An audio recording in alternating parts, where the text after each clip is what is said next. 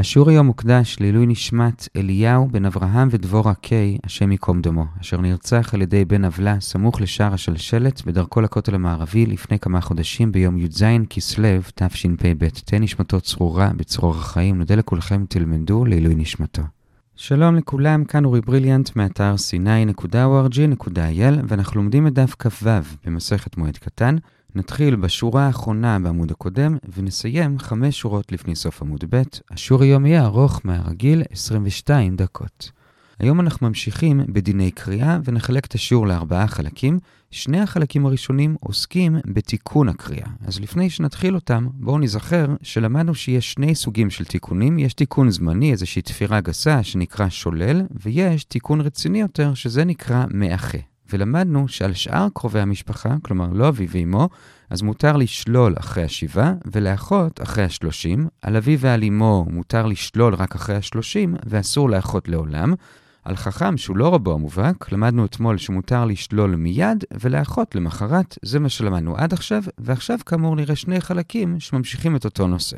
החלק הראשון זה ברייתא, שהזכרנו אותה כבר כמה פעמים, גם אתמול, גם בדף כ"ג, וזה רשימה של דברים שעליהם עושים קרע שאינו מתאחה לעולם. כלומר, בנוסף לאבי ואימו, יש עוד דברים שכאמור את רובם כבר הזכרנו, וזה רבו של לימדו תורה, נשיא ואב ביתין, וגם על שמועות רעות, או אם הוא שומע מישהו שמברך את השם, כלומר מקלל, או אם הוא חלילה רואה ספר תורה שנשרף, ואדם שרואה את ערי יהודה, המקדש וירושלים בחורבנם. עוד פעם, חוץ מאבי ואמו, יש את רבו של לימדו תורה, נשיא ואב ביתין, שמועות רעות, ברכת השם וספר תורה שנשרף, וערי יהודה, המקדש וירושלים בחורבנם.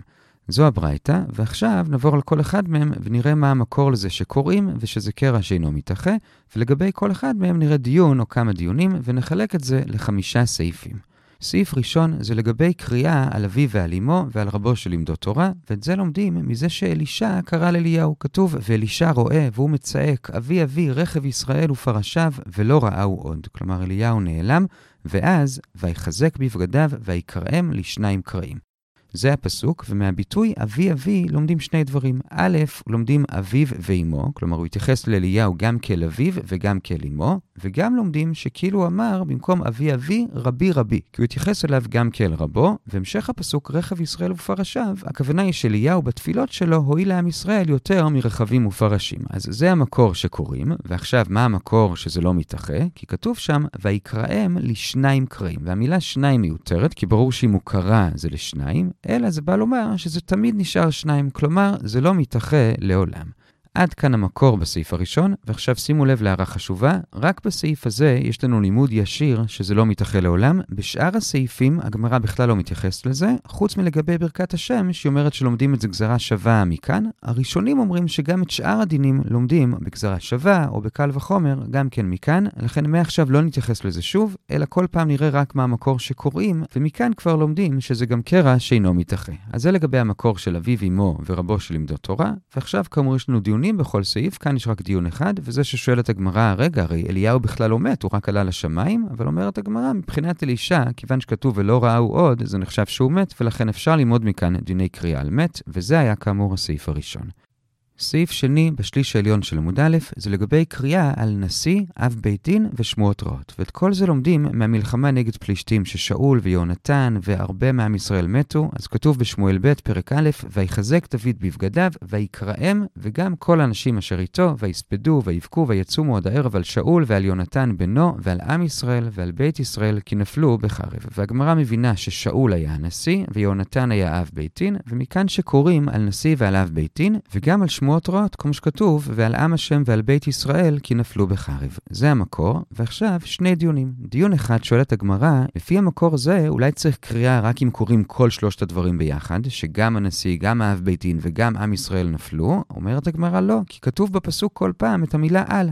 על שאול ועל יונתן ועל עם השם, המילה הזאת באה להפריד שקוראים גם על כל אחד מהם בנפרד. זה דיון ראשון. דיון שני שואלת הגמרא, אם צריך לקרוא על שמועות רעות כאלה, אז למה כששמואל שמע ששבור מלכה מלך פרס הרג 12,000 חיילים יהודים, למה הוא לא קרא? עונה הגמרא, כי קוראים רק כשרוב הציבור נהרג. יש דיונים במפרשים מה הכוונה רוב הציבור, לא שבאמת רוב העם נהרג, אבל למשל שרוב העם יצא למלחמה ונהרגו רבים, שם לעומת זאת היה מדובר באיזשהו מרד מקומי, ואגב, שואלת הגמרא, איך אתה אומר ששבור מלכה הרג כל כך הרבה, הרי שבור מלכה התפאר בפני שמואל שהוא אף פעם לא הרג יהודים, מסבירה הגמרא שהוא התכוון שהוא אף פעם לא הרג יהודים סתם, אבל שם הם מרדו בו, זה לא היה סתם, אלא הדיונים, ועד כאן הסעיף השני לגבי נשיא, אב בית דין ושמועות רעות. סעיף שלישי באמצע עמוד א' זה לגבי ברכת השם. כלומר, כששומעים קללת השם, כשהכוונה לקללה זה לא איזושהי מילה של קללה, אלא איזשהו דיבור מזלזל בקדוש ברוך הוא. והמקור של זה זה שכשסנחריב צר על ירושלים, אז רב שקה, הנציג של סנחריב, ניגש לחומה ונואם נאום לחיילים על החומות, והוא קורא להם להיכנע, ותוך כדי הנאום הוא אומר שלהשם אין יכולת להציל את היהודים מסנחריב, שזה בעצם קללת השם. ואז כתוב, ויבוא אליקים בן חלקיהו ושבנה הסופר ויואח בן אסף המזכיר, כולם באים לחזקיהו המלך, קרועי בגדים, ויגידו לו דברי רב שקה, ואז, ויהי כשמוע המלך חזקיהו, ויקרא את בגדיו. אז זה המקור שמי ששומע את הקללה צריך לקרוע, ועל זה הגמרא מוסיפה עוד שני דברים, וזה שמצד אחד, לא רק מי ששמע באופן ישיר צריך לקרוע, אלא גם מי שהם סיפרו לו את מה שקרה, גם הוא צריך לקרוע, כמו שראינו שחזקיהו, כשהוא שמע מהם, אז גם הוא קרא את בגדיו, וזה מצד אחד, אבל מצד שני, כשהם מספרים לו, הם לא צריכים לקרוע עוד פעם. כמו שאנחנו רואים שכשהם סיפרו לחזקיהו, רק הוא קרא, והם לא קראו עוד פעם, ועד כאן הסעיף השלישי לגבי ברכת השם. סעיף רביעי זה לגבי מי שרואה ספר תורה שנשרף, כשהכוונה היא לאו דווקא לספר תורה ממש, אלא זה יכול להיות גם שאר הספרים מהתנ"ך, תפילין, כמו שעוד מעט נראה, וזה גם לאו דווקא בשריפה, אלא גם בשאר צורות של אובדן, כמו שנראה. בכל אופן, מה המקור לזה? אז מסופר בספר ירמיהו שירמיהו היה מתנבא, וברוך בן נריה היה כותב את הדברים על קלף, ואחת הנבואות שמאוד השפיעה היה שהוא כתב את פרקים א', ב' וד' של איכה כנבואה על החורבן העתידי, ואחרי שהוא זה בפני העם וזה מאוד השפיע, אז הוא הלך לקרוא את זה גם בפני המלך יהויקים. פסוקים, שכמובן פחות אהב את זה, ואחרי שהוא שומע ארבעה דלתות, כלומר ארבעה פסוקים, אז בפסוק החמישי הוא כבר מתעצבן וזורק את המגילה לאש. הגמרא מספרת שהוא קודם חתך משם את כל שמות השם, יש מחלוקת במפרשים האם הוא חתך בשביל לא לשרוף אותם, או שהוא שרף גם אותם, ובואו נקרא את הפסוק על זה. ויהי כקרוא יהודי, שלוש דלתות וארבעה, כלומר ארבעה פסוקים, אז יקראיה בתער הסופר, והשלך אל האש אשר אל האח, עד תום כל המגילה על האש אשר על האח, ועכשיו שימו לב לפסוק הבא, ולא פחדו ולא קראו את בגדיהם המלך וכל עבדיו, השומעים וכולי, ומכאן אנחנו לומדים שהיו צריכים לקרוא, כי הוא שרף כאן מגילה עם הנבואה של ירמיהו, אז מכאן מקור שכשספר תורה או שאר הנביאים נשרפים, צריכים לקרוא. זה המקור, ועכשיו נראה על זה ארבעה דיונים. דיון ראשון זה למה יהויקים קורא את המגילה רק כשמגיעים לפסוק החמישי, אומרת הגמרא כי ארבעת הפסוקים הראשונים לא דיברו עליו, אמנם הם דיברו על זה שאיכה ישבה בדד, בוכות תבכה בלילה, גלתה יהודה מעוני, דרכי ציון אבלות, אבל זה לא עניין אותו. מה שעניין אותו זה פסוק ה', היו צריה לראש. הוא רומז לזה שהוא יקים, שהוא עומד בראש, הוא בעצם זה שגורם לצרות, ולכן הוא קרא את המגילה. זה דיון ראשון. דיון שני, אולי כשכתוב בפסוק שהם היו צריכים לקרוע, זה לא היה על שריפת המגילה, אלא על השמועות הרעות, ואז אין לנו מקור לשריפת המגילה. עונה הגמרא, השמועות הרעות עוד לא באו, לא שורפים על שמועות שיבואו, אלא רק על מה שהיה, ולכן הם היו צריכים לקרוע לא על זה, אלא על שריפת המגילה. דיון שלישי, אומרת הגמרא שכשספר תורה נשרף, צריכים בעצם לקרוע פעמיים, גם על הקלף עצמו, שגם בו יש קדושה, וגם על הכתב. לומדים את זה מהמשך הפסוקים שם, ויהי דבר השם אל ירמיהו, אחרי שרוף המלך, את המגילה ואת הדברים אשר כתב. יש כאן שני דברים. המגילה והדברים. זה דיון שלישי.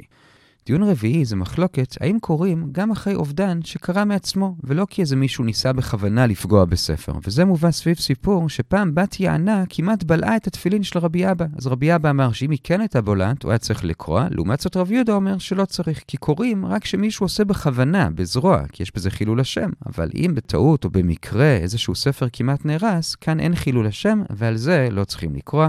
זה הדיון הרביעי, ועד כאן הסעיף הרביעי לגבי קריאה על ספר תורה שנשרף.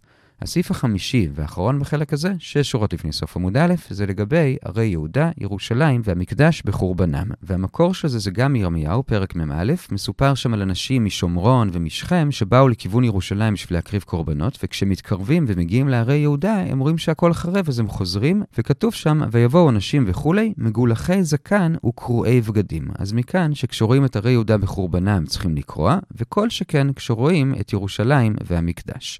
זה המקור, ועכשיו נראה לגבי זה שני דיונים. דיון אחד זה שאומר רבי אלעזר שלפני שקוראים צריכים לומר פסוקים מישעיהו פרק ס"ד, כלומר לפני שקוראים על הרי יהודה, אז אומרים שם את מה שכתוב בפסוק ט', הרי קודשך יהיו מדבר, לפני ירושלים אומרים את המשך הפסוק, ציון מדבר הייתה, ירושלים שממה, ולפני המקדש אומרים את הפסוק הבא, בית קודשנו וכולי, היה לי שריפת אש, וכל מחמדנו היה לך רבה, ואז קוראים. זה דיון ראשון.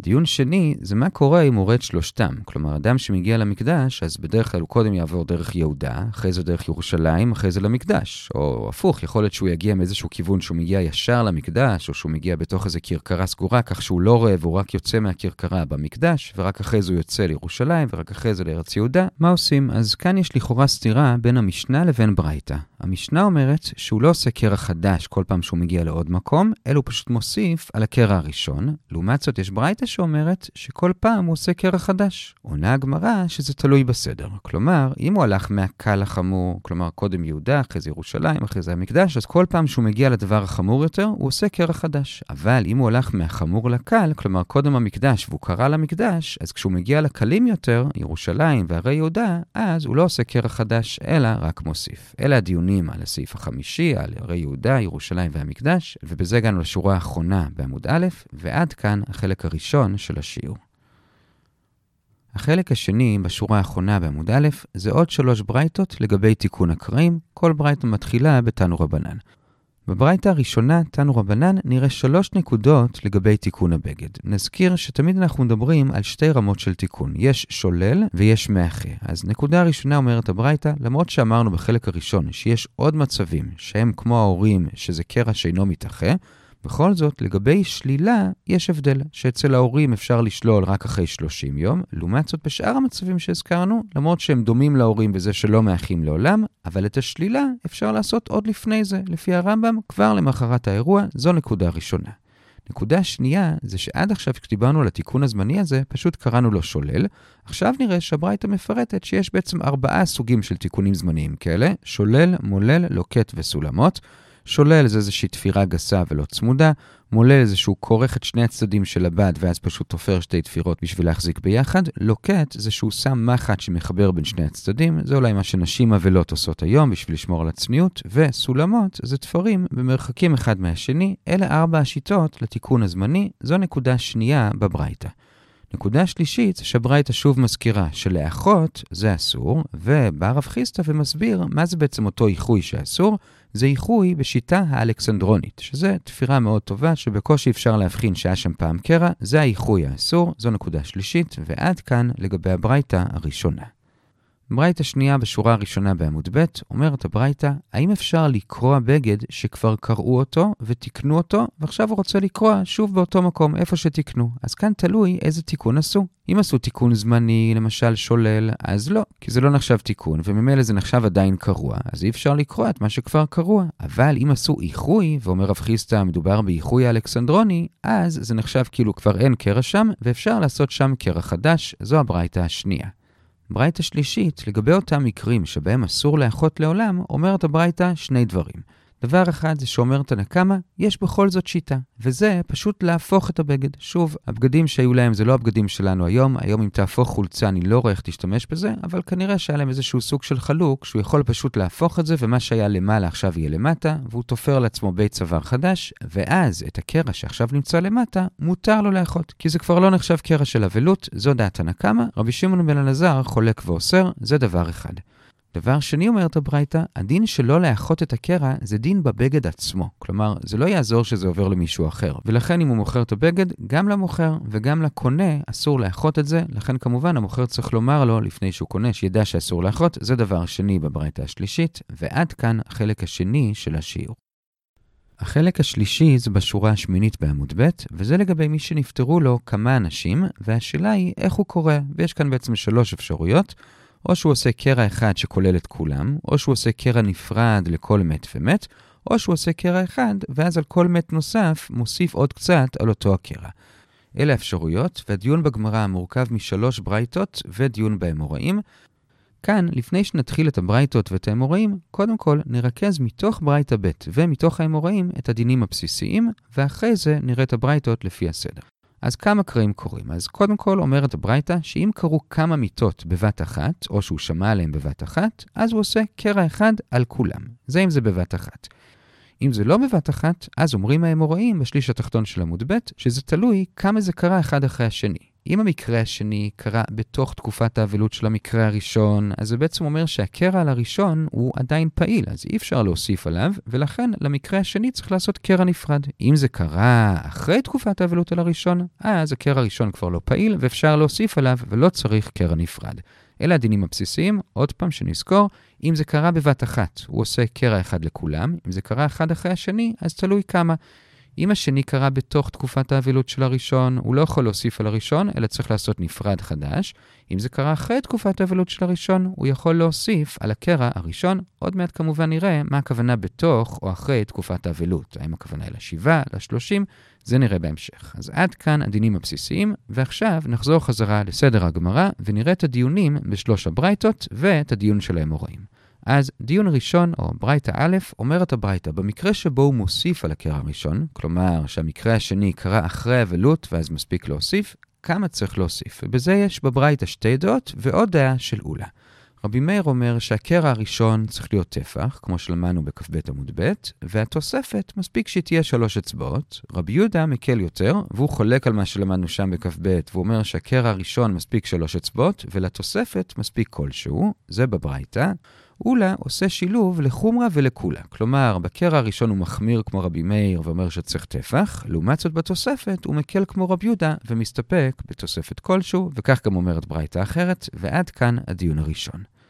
דיון שני, בשליש העליון של העמוד, זה ברייתא ב', וזה לגבי אבי ואימו. כלומר, האם במקרים שאמרנו שבהם לא צריך קרע נפרד, שזה בעצם שני מקרים, גם אם זה קרה בבת אחת, שאמרנו שמספיק לעשות קריאה אחת, וגם אם זה קרה אחד אחרי השני, אבל אחרי האבלות, שאמרנו שמספיק להוסיף, האם הדינים האלו נכונים גם כשאבי ואימו בסיפור? אז תנקמה אומר שכן, הם יכולים להיות כחלק מתוספת או בבת אחת, תלוי במקרה, כשכמובן צריך לשים לב שאצל ההורים צריך להקפיד גם שהחלק שלהם, אם זה החלק הראשון או התוספת, שלא ייתכן לעולם, ושאצלם השיעור לא מספיק טפח אלא עד ליבו, בכל אופן, הם כן חלק מהתוספות או הבבת אחת. זה תנקמה.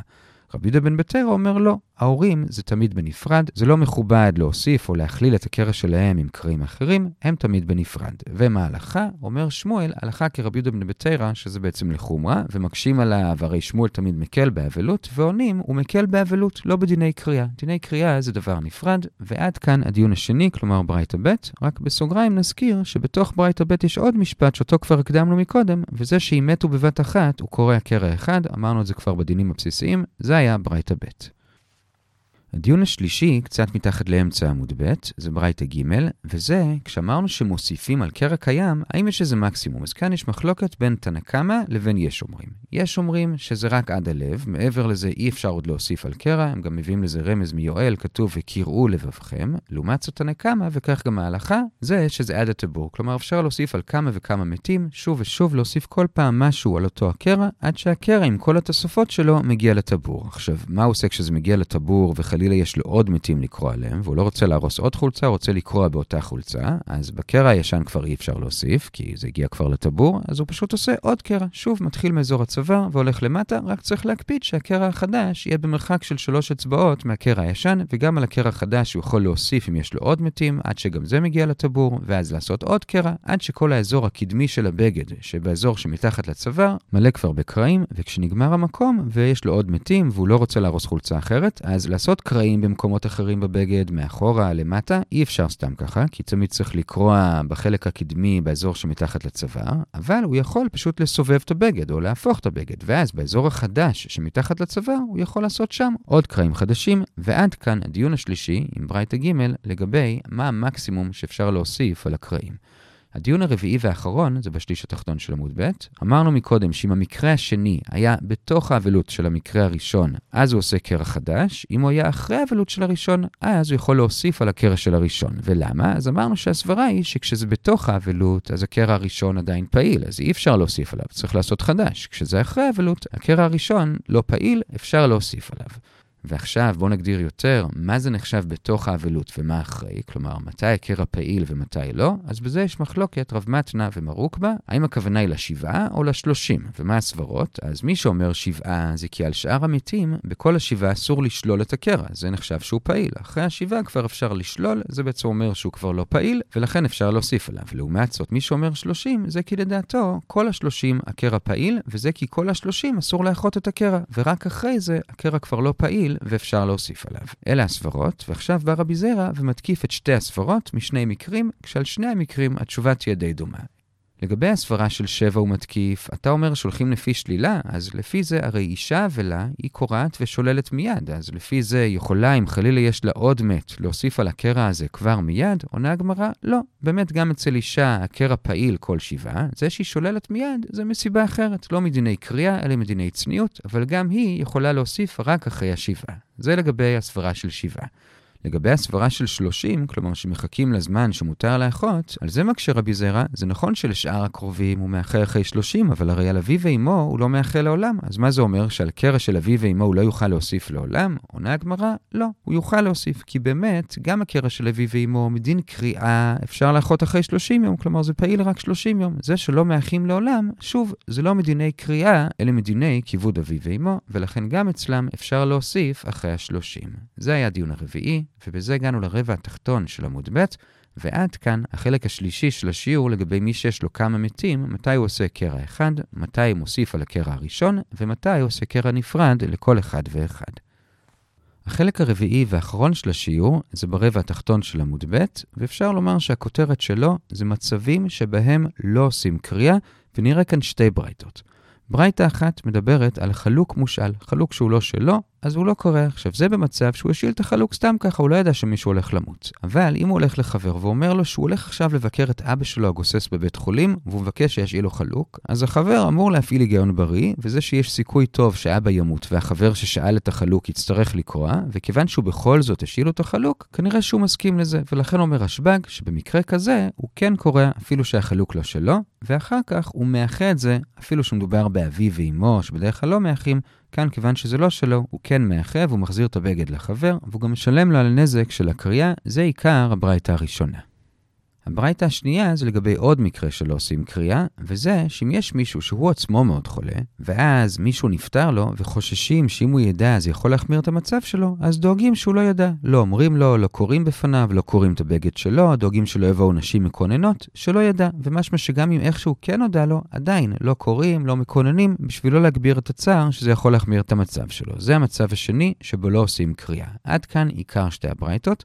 בנוסף, בסוגריים, יש כאן עוד כמה דברים בברייתות. בברייתא הראשונה כתוב שמי שרוצה להראות לכולם שהוא קרא, ובעצם הוא שם בגד שכבר היה קרוע לפני זה, בזה הוא גוזל את המתים, וגם גונב את דעתם של החיים, כי הוא מרמה אותם, זה דבר אחד. בברייתא השנייה יש עוד שני דברים, וזה שגם לילדים קטנים, אם נפטר להם מישהו, עושים להם קרע בשביל להרבות את העוגמת נפש, לא של הקטן עצמו, אלא של המבוגרים שרואים. ודבר נוסף, בעל עושה קריאה על ההורים של אשתו, ואותו דבר אישה על ההורים של בעלה, זה בברייתות. ודבר אחרון, מוסיף רב פאפה, אם כבר הזכרנו קטנים, אז אגב זה, לא נותנים לאבל להחזיק ילד קטן או תינוק, כי הם יכולים להצחיק את האבל ולא רוצים שהאבל יצחק, כל זה היה בסוגריים, ועד כאן החלק הרביעי והאחרון של השיעור.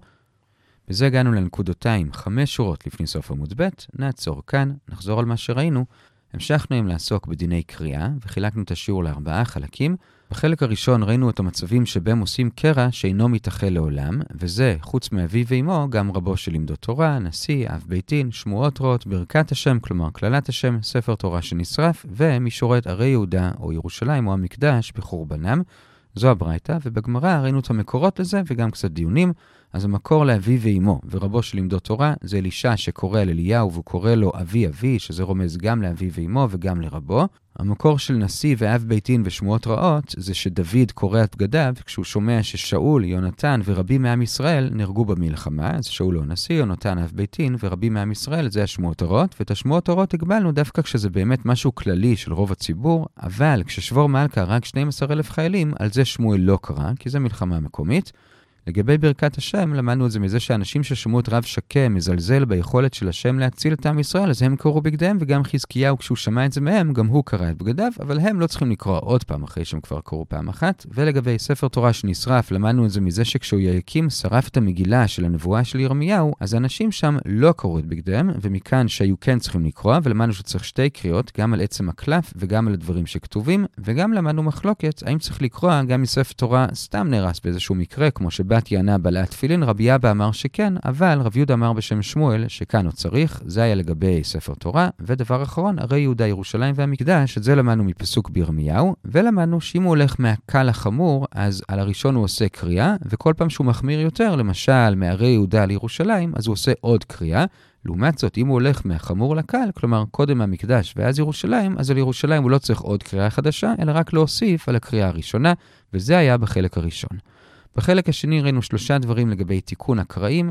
א', ראינו שבאותם מקרים שזה קרע שאינו מתאחה, לשלול הוא יכול מיד, בניגוד לאביו ואימו שצריך לשלול רק אחרי 30 יום, וגם שם ראינו שיש כמה סוגי שלילה, וגם ראינו שאיחוי, שזה מה שאסור לעשות באביו ואימו, זה דווקא איחוי האלכסנדרוני, זה א', ב', ראינו עוד ברייתא, שאם יש בגד שהוא כבר קרא ותיקן, האם הוא יכול לקרוא בזה עוד פעם? זה תלוי איזה תיקון הוא עשה. אם רק שלילה זה לא תיקון רציני, אז זה נחשב עדיין קרוע, אז אי אפשר לקרוא שם שוב. אמנם אפשר להוסיף, כמו שנראה בהמשך, אבל לקרוא את מה שהוא כבר קרא אי אפשר.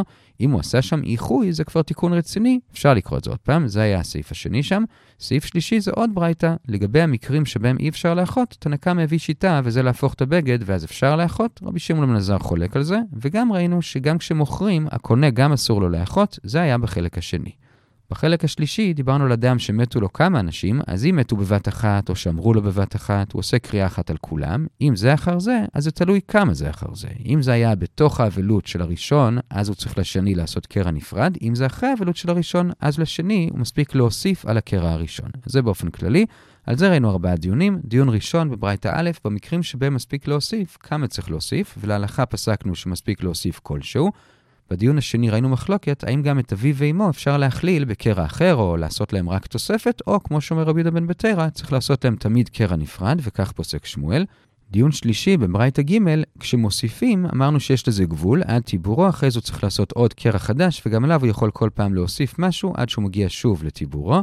ודיון רביעי, אמרנו מקודם שזה תלוי אם זה קרה תוך האבלות של הראשון או אחרי, אז מה זה האבלות של הראשון? ראינו מחלוקת אמוראים, האם הכוונה היא תוך שבעה או תוך שלושים? כשהסברה היא שתוך שבעה אסור לשלול, תוך שלושים אסור לאחות, זה מראה שהקרע עדיין פעיל, אחרי זה הקרע לא פעיל ואפשר להוסיף עליו, וזה היה בחלק השלישי.